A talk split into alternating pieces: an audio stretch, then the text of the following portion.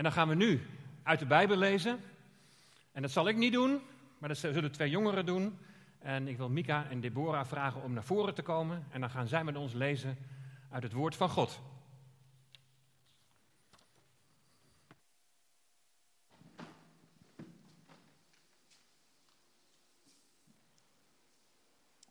Deuteronomium 16, vers 1 tot 4.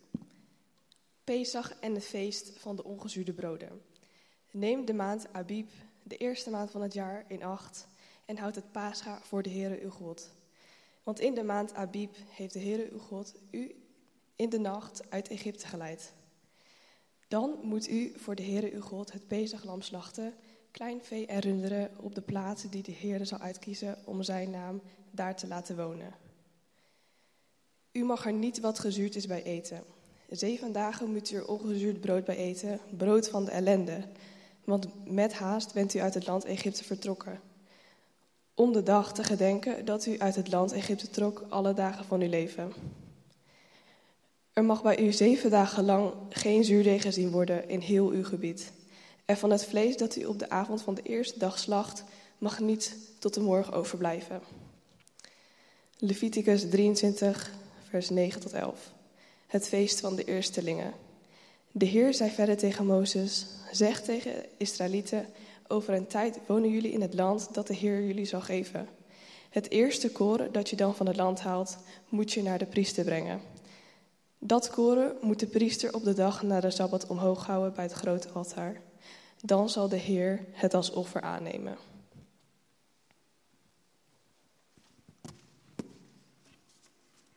Leviticus 23 vanaf vers 15. Vijftig dagen later moeten jullie opnieuw een graanoffer aan de Heer brengen. Tel vanaf de dag na de Sabbat waarop de priester het eerste koren aan de Heer geofferd heeft. En tel door tot de dag na de zevende Sabbat. Vijftig dagen dus. Iedereen moet dan twee broden meenemen uit zijn woonplaats. Elk brood moet met gist gebakken zijn, van 2,5 kilo fijn meel. De broden moeten omhoog gehouden worden voor de Heer. Ze zijn een offer om de Heer te danken voor de eerste graanoogst.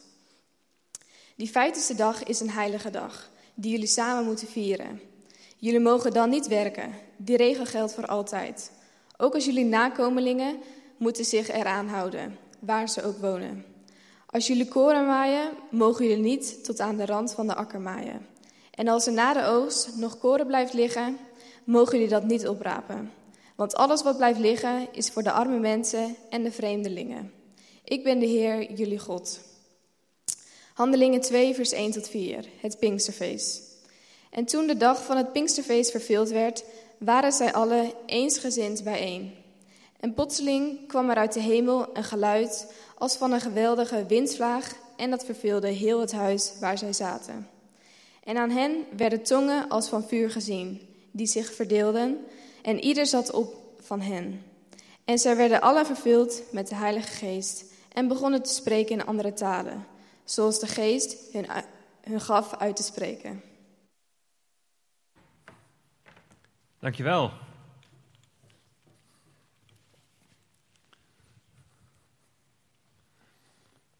En zo hebben we gelezen uit het bijzondere woord van God.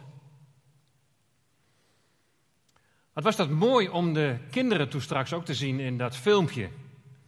Kinderen van verschillende leeftijden, uit verschillende groepen van de kinderdienst. Ze waren op verschillende plaatsen. De een was thuis, zat lekker op de bank, de ander in de natuur. En ze vertelden allemaal op verschillende tijdstippen het verhaal van Pinksteren. En met elkaar was het één verhaal. En er is iemand die dit heeft bedacht. Er is iemand die naar de kinderen of naar de ouders heeft aangegeven wat ze moeten vertellen. Misschien wisten ze niet eens wat de vorige heeft verteld en wat de volgende gaat vertellen. Kortom, er is een regisseur geweest die het hele verhaal al kende en aan de kinderen en aan de ouders heeft gevraagd: willen jullie meedoen? Nou, zo heeft de Heere God heeft ook mensen ingeschakeld in zijn grote verhaal. Het grote verhaal dat begint met de schepping en dat eindigt met een nieuwe hemel en een nieuwe aarde. Aan het begin, in Genesis, zweefde de geest van God over de wateren. En aan het eind in het boek Openbaring zeggen de geest en de bruid: Kom. Het begin is bekend, het einde is bekend, maar daartussenin, daar zit nog van alles wat we niet altijd zo kunnen overzien. En nu kan ik me voorstellen, en zeker ook voor de jongeren, dat je de Bijbel niet zo gauw van helemaal van voren naar achteren gaat lezen om iets van die rode draad te ontdekken. Het leest nu bepaald niet als, als een spannende roman. En het is ook niet zo dat als je het wel zou doen en je leest helemaal vanaf het begin tot aan het eind, dat, je dan, dat het dan ook direct allemaal helder en duidelijk is. Op 17-jarige leeftijd ben ik heel enthousiast begonnen met het lezen en het bestuderen van de Bijbel. Maar ik heb geen idee hoeveel procent nu duidelijk is voor mij. En wat ik denk dat wel duidelijk is, moet ik misschien over een tijdje ook wel weer hier en daar iets bijstellen. Want je blijft maar leren en je blijft maar ontdekken. Maar dat alleen al, dat is zo voor mij de moeite waard. Het willen leren, het willen ontdekken over wie God is. En wat zijn plan is met deze wereld. Wie is de Heer Jezus? En wat is de rol van de Heilige Geest? En ga zo maar door. Zo ontzettend boeiend. En ik vind het zo wonderlijk, en dan moet ik weer aan de kinderen denken, dat dan meer dan veertig verschillende schrijvers van verschillende leeftijden, verschillende achtergronden, verschillende beroepen, dat ze op verschillende plaatsen en verschillende tijden een zo samenhangend verhaal hebben opgeschreven. En dat die samen gebundeld zijn in wat wij de Bijbel noemen. Als dan in de Bijbel wordt beweerd dat mensen van Gods wegen door de Heilige Geest hebben opgeschreven, dan heb ik daar geen enkele moeite mee. Dan kan ik dat direct geloven. Want het is adembenemend om te zien hoe die, hoe die boeken en, en geschriften en brieven en hoe het Oude Testament en het Nieuwe Testament, hoe dat met elkaar een eenheid vormt. En dat wil ik jullie vanmorgen graag laten zien aan de hand van het Pinksterfeest. Dan zullen we zien dat het feest in Handelingen 2 een bestaand feest is. En dat in het tweede Bijbelboek, in Exodus, al opdracht wordt gegeven om dat feest te vieren. Wat nu in Handelingen 2 een nieuwe inhoud krijgt. Er zijn zeven feesten in de Bijbel die God heeft ingesteld voor zijn volk, voor het volk Israël. Ja, voor Israël, want we hebben net gelezen in Leviticus 23, vers 10. Zeg tegen de Israëlieten. Nou, in het Oude Testament, het vertalen wij vanuit het Hebreeuws. En het woord dat wij met feest hebben vertaald, daar staat eigenlijk letterlijk vastgestelde tijden. De Heere God heeft tijden voor het volk Israël vastgesteld om feest te vieren, om dan te gedenken wat God heeft gedaan en Hem te danken voor de zegeningen die Hij heeft gegeven. En ik kan me voorstellen dat dan al direct de vraag opdringt maar als dit voor Israël is, wat betekent dat dan voor mij? En wat kan ik daar dan mee nu, anno 2020? Nou weet je, het mooie van die vastgestelde tijden is dat je in die feesten iets van Gods plan kunt ontdekken in de geschiedenis en in de toekomst. En het bijzondere, dat is dat God bij dit plan niet alleen Israël op het oog heeft, maar dat hij ook jou op het oog heeft. Israël is niet een doel op zich, maar God wilde door zijn volk zichzelf bekendmaken aan de volken. Als je het hele Oude Testament zo doorleest, sta je misschien wel verbaasd hoe vaak daar staat dat de Heere God de volken op het oog heeft. Het was zijn bedoeling dat zijn volk als getuige van hem zo tot zegen zou zijn voor alle volken. De Heere God heeft de redding en de verlossing van alle mensen op het oog. Hij wil dat niemand verloren gaat. En zijn reddingsplan ontvouwt de Heere God dan als het ware in de betekenis van deze feesten. En er zijn dus zeven feesten die de Heer voor zijn volk heeft ingesteld. En de eerste vier, dat zijn de voorjaarsfeesten. Het Pesach, het feest van de ongezuurde broden, het feest van de eerstelingen en het wekenfeest. Al deze feesten die zijn een schaduw, een heenwijzing naar een toekomstige gebeurtenis en ze hebben allemaal betrekking en wijzen allemaal heen naar de Heer Jezus Christus, de Messias. Die toekomstige gebeurtenis, die heeft wat deze vier feesten betreft al plaatsgevonden en heeft ook betekenis voor jou en mij. Dat zal ik zo laten zien. En dan zijn er ook nog drie najaarsfeesten. Het feest van de bazuinen, Grote Verzoendag, als het goed is kun je zo even meekijken.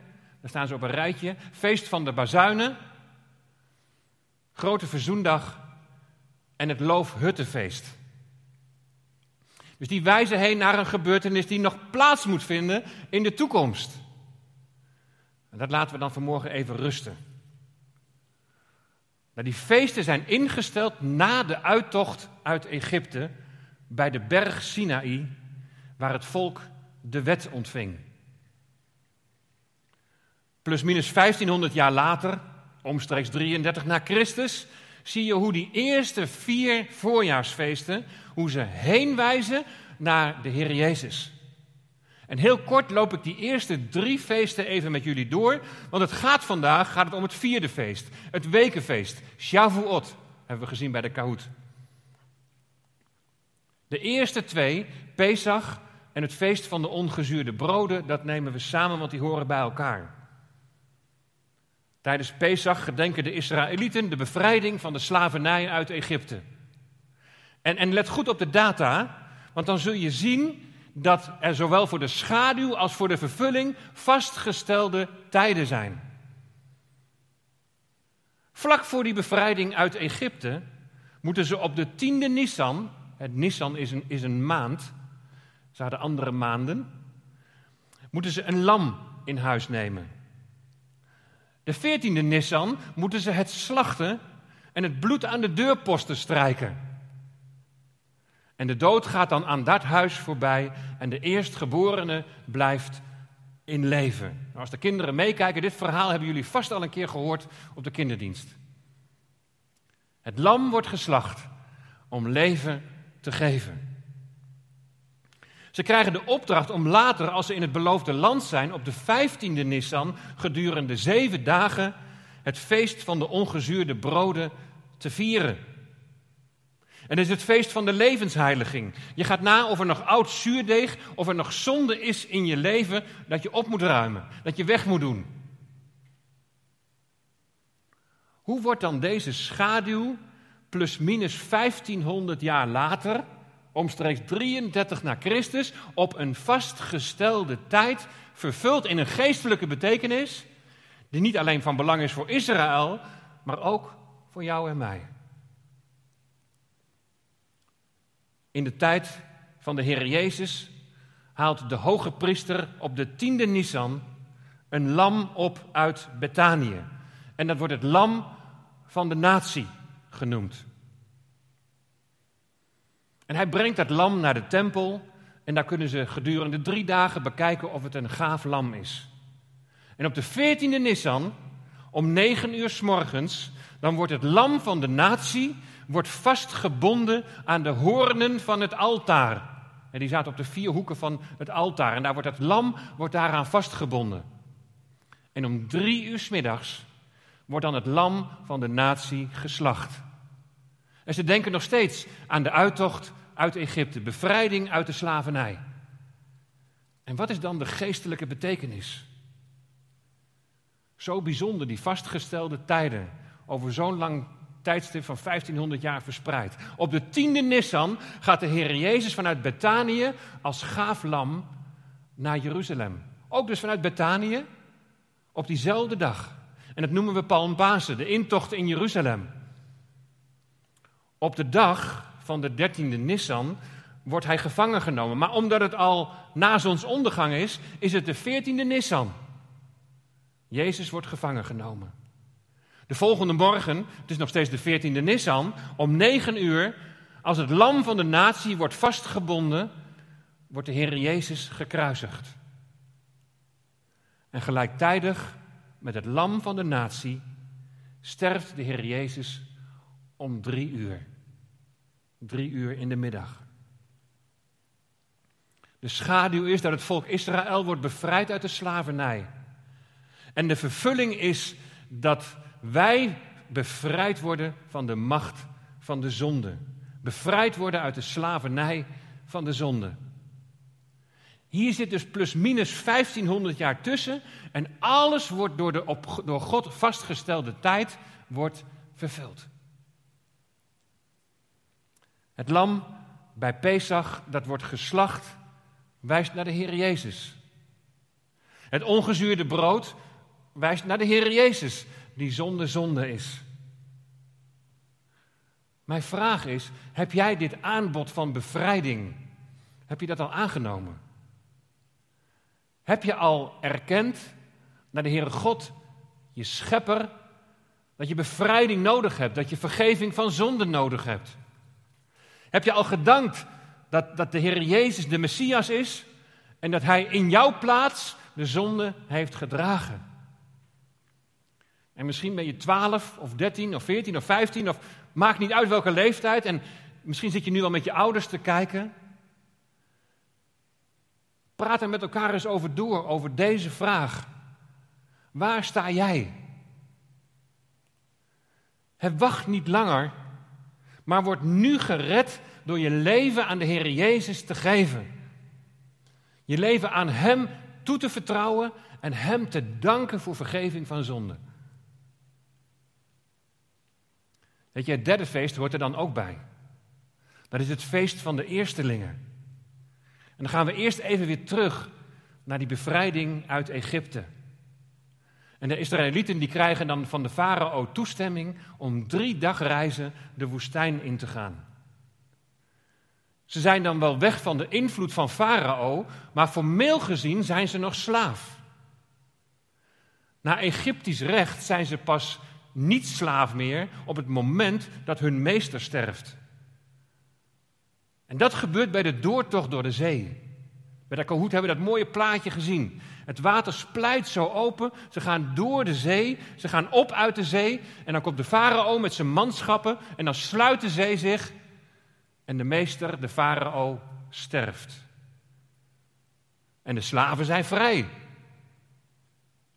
Nou, deze opgang uit de zee, misschien herinner je het nog met een van de vragen van de Kahoot, die opgang uit de zee, deze bevrijding op de 17e Nissan, na drie dagen, dat heeft een relatie met dat feest van de eerstelingen. We hebben net gelezen dat als ze in het beloofde land zijn, dat ze dan het eerste koren van het veld naar de priester moeten brengen. Dat koren moet de priester op de dag na de Shabbat omhoog houden bij het grote altaar. En dan zal de Heer die zal het als offer aannemen. En het is het begin van de gerstenoogst. Plus minus 33 na Christus. Als de Heer Jezus wordt gekruisigd, is de dag na de Sabbat de derde dag na de kruisiging. De 17e Nissan. Dus de dag dat het volk opstond uit de zee, is in het beloofde land de dag van de eerste oogst. En is in 33 na Christus de dag dat Jezus is opgestaan uit de dood. Dus het feest van de eerstelingen is vervuld in de opstanding van de Heer Jezus. Zie je wel, alle feesten wijzen naar Hem, Jezus de Messias. Nou, als je net of in het verleden de Heer Jezus hebt aangenomen als redder en verlosser, dan deel je ook in zijn opstanding. En dat betekent straks na dit leven een opstandingslichaam, maar ook nu al in dit leven de kracht van de opstanding. Leven als een nieuwe schepping die door de inwerking van de Heilige Geest meer van de Heer Jezus wil laten zien. Nou, wat die Heilige Geest betreft, gaan we nu naar het vierde feest. Het wekenfeest, het feest dat wij nu Pinksteren noemen. Een feest in Handelingen 2 dat al lang bestond. En we hebben over de instelling van dat feest hebben we met elkaar gelezen in Leviticus 23. Vijftig dagen later, dus vijftig dagen na die zeventiende Nisan, moeten jullie een graanoffer aan de Heer brengen. En tel vanaf de dag na de Shabbat, waarop de priester het eerste koren aan de Heer geofferd heeft.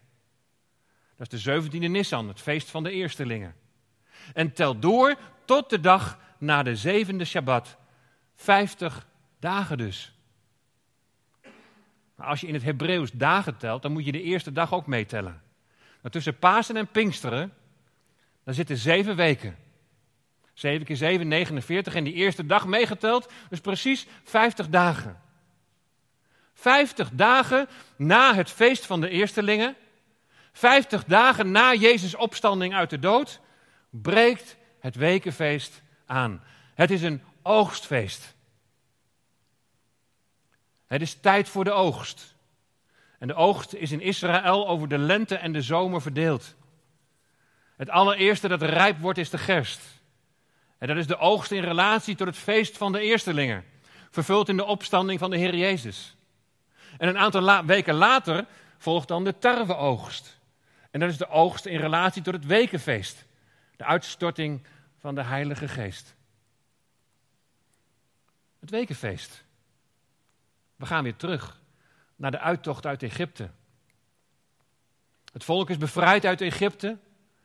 En de overlevering leert dan dat ze op de vijftigste dag na de doortocht uit de zee het huwelijksverbond met Yahweh sluiten bij de Sinaï. Daar ontvangen ze de wet. Daar ontvangen ze de Torah. En Torah betekent onderwijzing. Daar ontvangen ze de onderwijzing van God. Voor ons is de Torah nu de eerste vijf boeken van de Bijbel. Maar voor hen was het daar de mondelinge Torah die ze kregen via Mozes. En ze ontvingen die Torah als het ware als, als, als een soort van huwelijkse voorwaarde. En die Torah die is zo bepalend voor hun geestelijke identiteit. Ze zijn het volk van God. Een volk dat bevrijd is om God te dienen. En hoe? Nou, dat leren ze in de Torah. Onderwijzing. De nieuwe grondwet voor het volk. En de Torah die bevrijdt hen van het Egyptische denken, waardoor ze ongetwijfeld zijn beïnvloed. Het is de Torah die de vrijheid beschermt. Een nieuw volk is geboren, daar bij de Sinaï. Maar het is allemaal schaduw. Ze vieren in Israël nog steeds de schaduw. Ze denken nu bij Shavuot, bij het wekenfeest, aan het ontvangen van de Torah. Nou, wat gebeurt er in Handelingen 2? Want dat brengt ons bij de geestelijke vervulling van dit wekenfeest. Het is een drukte van je welste in Jeruzalem. De viering, de dankzegging voor de tarweoogst, het aanbieden van de eerste oogst voor de heren. En na de hemelvaart gingen de discipelen vol blijdschap naar Jeruzalem. De discipelen en met hen in totaal de 120 mensen die wachten. Wat veroorzaakt nu die blijdschap? In Johannes 16, daar kun je lezen dat ze eerst bedroefd zullen zijn wat het afscheid nemen betreft, maar dat ze daarna verblijd zullen zijn. En waarom? Omdat de Heer Jezus terug zal keren. En hoe? Zouden ze niet gedacht hebben aan Jeremia hoofdstuk 31, vers 33? Vast wel. Daar staat namelijk het, voor, het volgende: Ik zal mijn Torah, ik zal mijn onderwijzing in hun binnenste geven en zal die in hun hart schrijven. Zullen ze ook niet gedacht hebben aan de beloften in Ezekiel 36? Dan zal ik u een nieuw hart geven en een nieuwe geest in uw binnenste. Ik zal het hart van steen uit uw lichaam wegnemen en u een hart van vlees geven. Ik zal mijn geest in uw binnenste geven. En ik zal maken dat u in mijn verordeningen wandelt en dat u mijn bepalingen in acht neemt en ze houdt. Hier zie je de betekenis van het Pinksterfeest. Namelijk dat de Heilige Geest in hun binnenste komt en in hun binnenste iets gaat veranderen. Een innerlijke verandering teweeg brengt, die ertoe leidt dat het volk eindelijk kan en wil leven in gehoorzaamheid aan God. Wees heilig, want ik ben heilig. Dat kan dan in hun leven worden uitgewerkt door de Heilige Geest die in hen woont. Het zijn in eerste instantie Joden en Jodengenoten op wie de Geest wordt uitgestort en in wie de Geest komt wonen. Wat allemaal wordt beloofd, dat is in Ezekiel 36, dat gaat voor hen als volk, gaat dat deels in vervulling. En we zien het vaker bij een profetie, die deels wordt vervuld en later nog ten volle. Vaak hoor je zeggen dat de Pinksterdag de geboortedag van de kerk, van de gemeente is. Nou, Israël die werd ook al gemeente van God genoemd in het Oude Testament. Een volk afgezonderd voor God. In Matthäus 16 en 18, daar wordt voor het eerst het woordje ecclesia gebruikt voor de gemeente. Het gaat daar over een gemeenschap van Joden, apart gezet, die de Heer Jezus volgen. En met Shavuot, met het wekenfeest, het Pinksterfeest, dan verandert er iets voor die gemeenschap. Namelijk de Heilige Geest die permanent in hen komt wonen. In deze Joden en Jodengenoten die Jezus beleiden als Messias. Oscar Lohuis die zei afgelopen vrijdag nog bij de digitale Pinksterconferentie dat ons Pinksteren eigenlijk pas begint in Handelingen 10. Daar zie je hetzelfde gebeuren als op de Pinksterdag, maar dan bij de heidense hoofdman Cornelius. En als we met een groep uit de gemeente in Israël zijn, en we zijn zo in Caesarea, daar waar hij gelegerd was, deze hoofdman, dan zeg ik ook altijd van hieruit is het evangelie naar ons toegekomen. Het wekenfeest. Het is een oogstfeest. Tijd om te oogsten. In de synagoge wordt met het wekenfeest wordt het boek Rut gelezen. De Moabitische Rut en de Joodse Naomi, die keren aan het begin van de gerstenoogst, dus tijdens het feest van de eerstelingen, terug naar Bethlehem. In de beschrijving van het wekenfeest in Leviticus 23 staat in vers 22 ineens de opdracht om tijdens het binnenhalen van de oogst de randen van het veld te laten liggen voor de armen en de vreemdeling.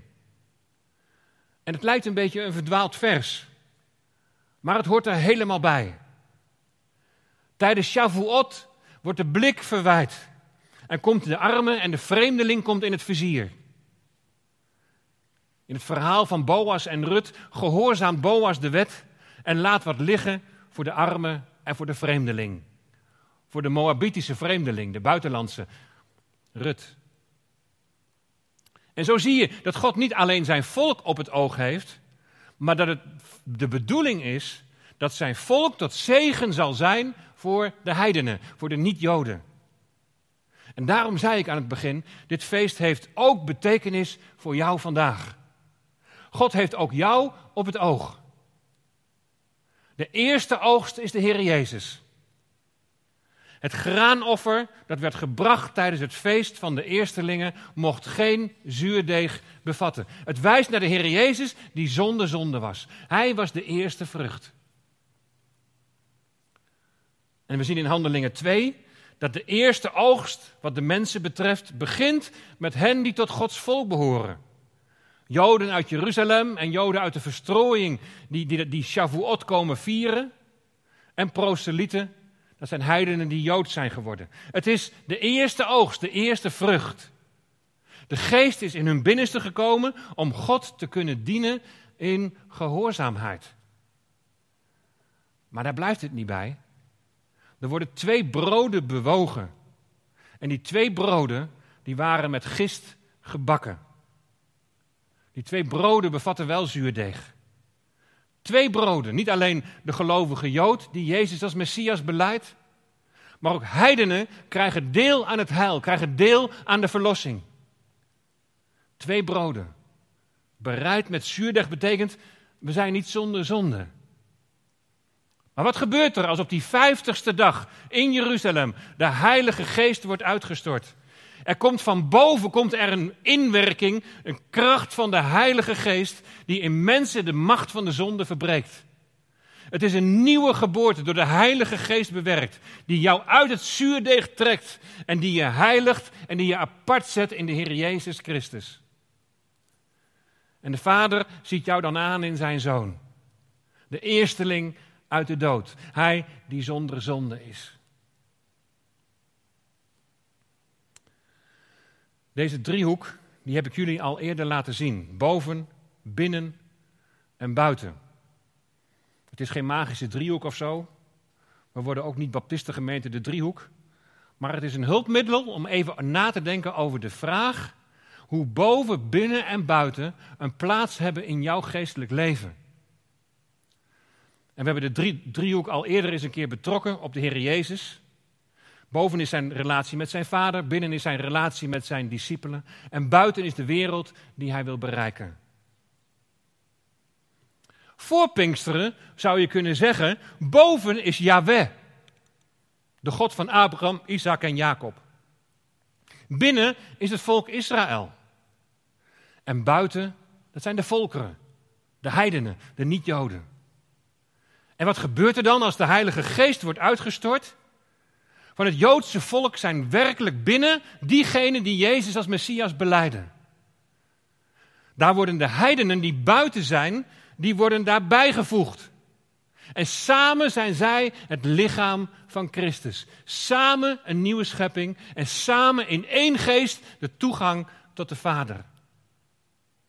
Door de uitstorting van de Heilige Geest, die de wedergeboorte bewerkt, zijn gelovige Jood en gelovige Heiden beiden binnen. De twee broden zijn samengevoegd.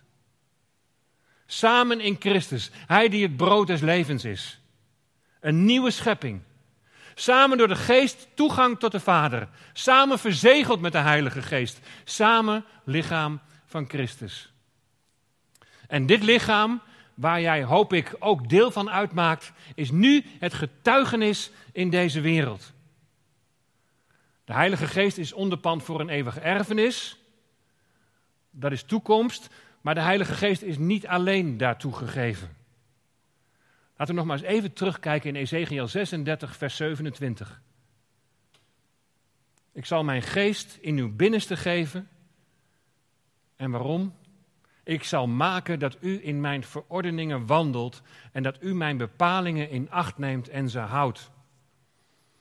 Weet je, de Heilige Geest die werkt gehoorzaamheid in jou uit. En maakt je zo bekwaam om tot zegen te zijn voor de mensen om je heen. De zegen die jij door mag geven, is de Heer Jezus. Nou, we leven in bijzondere tijden. Ik denk dat de Heer binnenkort gaat oogsten. Het is tijd voor de oogst. Tijd dat kaf en koren zal worden gescheiden. En het koren zal hij in zijn schuur brengen, maar het kaf zal hij verbranden in een vuur dat nooit uitgaat. Lucas 3, vers 17. De komst van de Messias is beslissend voor alle mensen. Zijn volgelingen zal hij bijeenbrengen in de graanschuur. Dat wil zeggen zijn koninkrijk. Maar dan is het ook beslissend voor diegenen die geen berouw tonen. Ze zullen veroordeeld worden tot een onuitblusbaar vuur. Dat wil zeggen een eeuwige straf. De Heilige Geest geeft kracht om mensen op te roepen om binnen te komen. En het is jouw garantie dat je binnen zult gaan. Zal de Heer zijn oogst spoedig binnenhalen? We weten het tijdstip niet. Dat is aan de Vader. Maar de Heer Jezus zegt wel: let op de tekenen van de tijd. Dan zou het heel spoedig kunnen zijn. En de vraag aan jou vanmorgen is: Is de Heer ook jouw bevrijder. Zoals het volk bevrijd is uit Egypte, bevrijd van de slavernij. Ben jij bevrijd uit de macht van de zonde? Is de Heilige Geest in jou komen wonen om God gehoorzaam te kunnen zijn en te doen wat Hij zegt. Om een instrument te zijn in Zijn hand. En zo deze wereld te bereiken met die geweldige boodschap van het Evangelie. Kun je zo in je hart meezingen. Hij draagt mij tot mijn laatste dag. Laat mij niet achter in het graf. Hij wekt mij op en hij roept mij naar huis. Als oogst binnengehaald. De Heer is mijn bevrijder. Zing je mee vanuit het diepst van je hart? En als je dat nog niet kunt, buig je knieën. En aanvaard de Heer Jezus als, als je redder en als je verlosser, als je zaligmaker, als je bevrijder. En vraag om vergeving van zonde. En bid om de vervulling met de Heilige Geest. Opdat je in het slot van dit lied mee kunt zingen. Alle eer aan God de Vader. Alle eer aan God de Zoon. Alle eer aan God de, de Trooster. De Heer is mijn bevrijder. Amen.